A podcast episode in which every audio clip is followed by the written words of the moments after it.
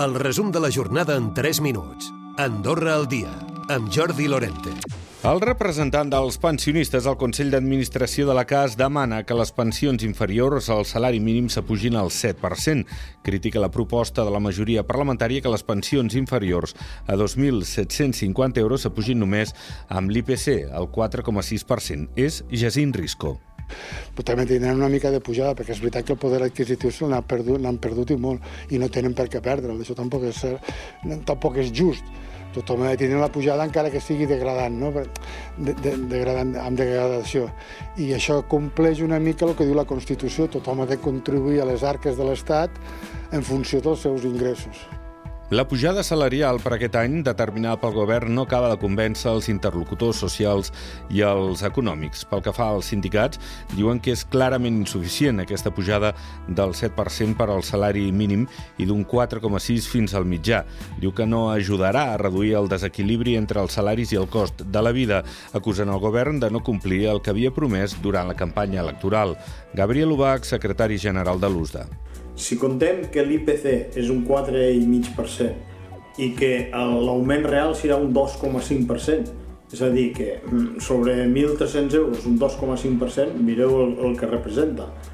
Quan nosaltres estàvem demanant molt més, nosaltres estàvem mirant de poder reduir el, el, el desequilibri que hi havia entre el salari i el cost de la vida al Principat d'Andorra. I mentre la patronal, la CEA, lamenta que no s'hagin tingut presents les seves propostes, el motiu és que consideren que caldria determinar els salaris, disposant de més informació i tenint en compte altres còmputs, com ara les hores extra i incentius. El president de la Confederació Empresarial Andorrana Gerard Cadena.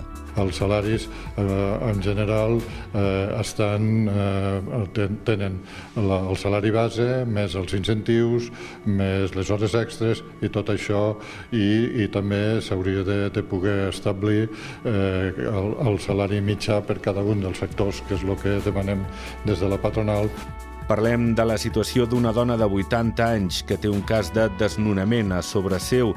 Una persona que fa 35 anys que viu en un edifici on ara no hi ha inquilins i que la nova propietat creu, considera que ha de marxar.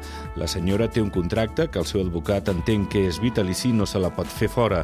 Amb tot, s'estan fent una sèrie de treballs a la resta de l'edifici on no hi ha inquilins, com diem, i la nova propietat amb aquestes obres provoca que l'aigua de les canonades es geli Berlín i que aquesta senyora pateixi molt de fred a l'hivern.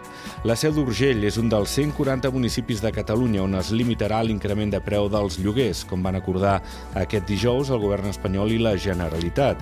La Seu d'Urgell ha patit en els darrers anys una escalada de preus que ha situat el preu mitjà de lloguer en 500 euros, quan el 2017 era de 383, tot plegat un augment superior al 30%, mentre que el preu de compra en el mateix període ha augmentat el 50%.